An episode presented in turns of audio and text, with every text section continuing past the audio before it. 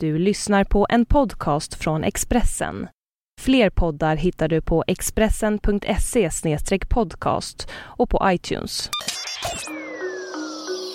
Det var 40 år sedan han talade i telefon, ute på gatan. Det här är Expressen Dokument, ett fördjupningsreportage. Varje dag med mig, Johan Bengtsson, som idag läser Johan Eslanders text om att världen aldrig blev sig lik efter Martys samtal i mobiltelefon. Marty Cooper visste inte att han skulle förändra världen den 3 april 1973. Men i samma stund som mobiltelefonernas fader ringde det första samtalet för precis 40 år sedan banade han vägen för en revolutionerande utveckling i människans sätt att kommunicera.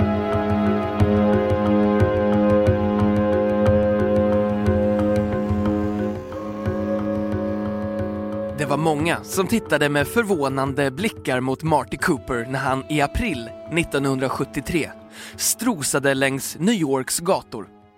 Den då 44-årige ingenjören som arbetade på Motorola hade lämnat kontoret för att testa den nya produkten som han och kollegorna arbetat med på labbet i flera år. På sjätte Avenyn och 56 gatan på Manhattan knappade han in numret på den bärbara telefonen och pressade luren mot örat.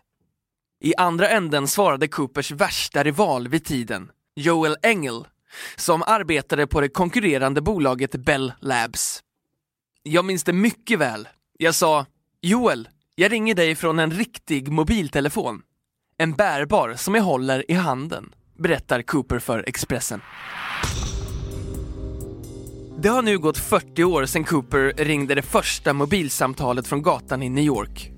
Han kunde då inte ana att samtalet kom att förändra en hel värld för all framtid. Cooper och hans kollegor ville ta fram en kommunikationsprodukt som riktades till individer snarare än till platser. Det skulle längre inte bara gå att ringa till ett kontor eller ett hem, utan direkt till personen. Människor rör sig hela tiden under en tid hade vi blivit tillsagda att vi bara kunde kommunicera från våra hem eller vårt kontor. Men människor vill ha friheten att kommunicera oavsett var de befinner sig, obundna från koppartrådar, säger Marty Cooper. Alldeles oavsett hur man förhåller sig till användandet av mobiltelefonin får man nog vara benägen att hålla med den nu 85-årige Cooper. Människor verkar uppskatta friheten att tala med vem som helst var och när som helst. Mobilbranschen är idag en världsomspännande megaindustri som omsätter hundratals miljarder årligen. Enligt en FN-rapport använder 6 miljarder människor mobiltelefoner och siffran ökar ständigt.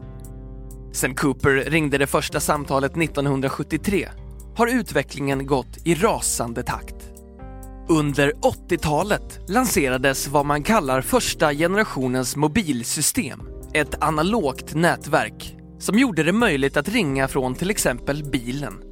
Tio år senare, i början av 1990-talet, ersattes det tröga och skakiga analoga systemet av GSM som genom att vara digitaliserat underlättade spridning och därigenom attraherade fler och fler.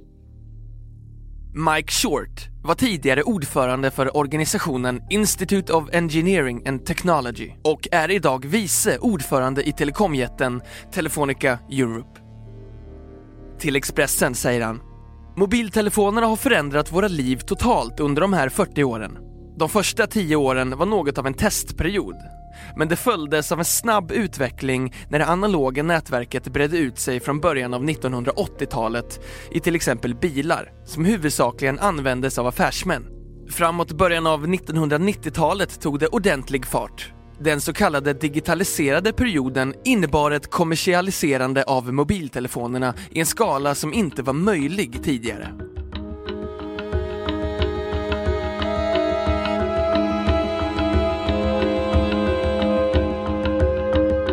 Expressen Dokument, en podcast från Expressen.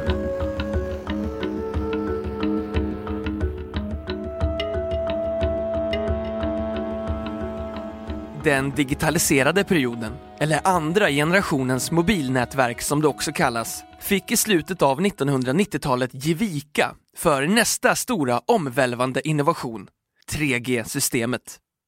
Det datoriserade nätverket innebar att alla överföringar nu gick betydligt snabbare och telefonerna kunde kopplas upp mot internet i större omfattning och på ett enklare sätt. Datoriseringen gjorde det möjligt att ta fram de nya smarta telefonerna.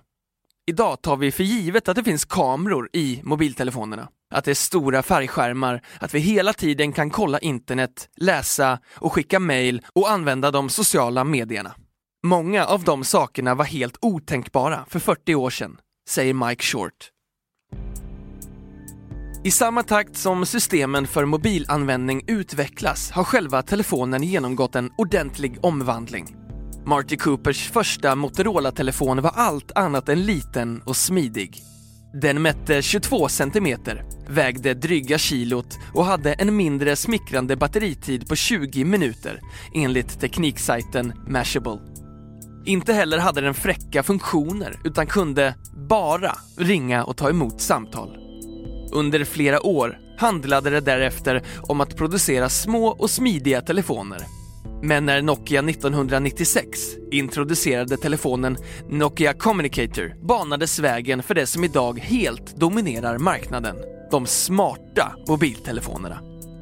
Nokia var den dominerande aktören när det gällde smarta telefoner under en tioårsperiod innan Apple lanserade iPhone 2007. Telefonen revolutionerade designen och gav skjuts åt branschens tillväxt, säger Scott Biceno, chefsanalytiker på amerikanska Strategy Analytics till Business Wire. I slutet av förra året fanns det drygt en miljard smarta telefoner världen över, enligt Scott Biceno.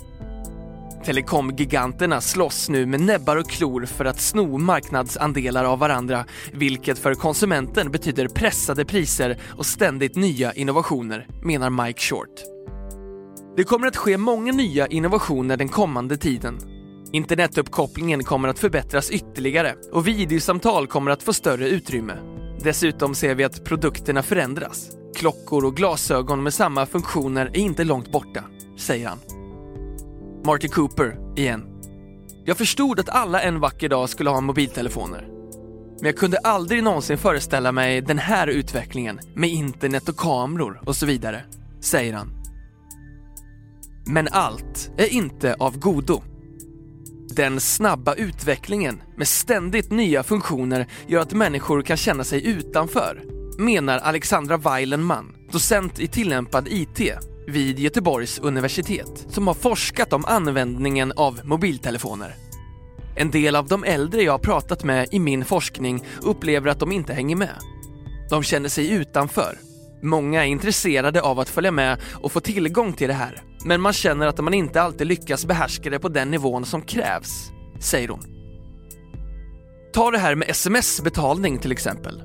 En del äldre personer har svårt att använda det Även andra saker sker idag med telefonerna. Man bygger för en framtid där alla ska behärska det här. Men man måste också tänka på de som inte är där nu. Det är en viktig och intressant fråga för samhället.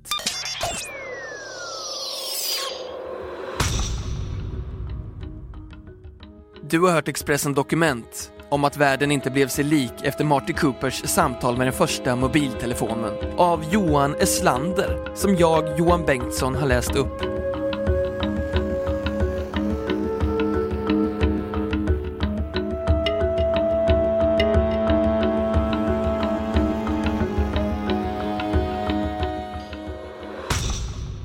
Du har lyssnat på en podcast från Expressen. Ansvarig utgivare är Thomas Mattsson. Fler poddar finns på Expressen.se och på iTunes. Ny säsong av Robinson på TV4 Play. Hetta, storm, hunger. Det har hela tiden varit en kamp. Nu är det blod och tårar. Fan händer just det. det detta är inte okej. Okay. Robinson 2024, nu fucking kör vi. Streama söndag på TV4 Play.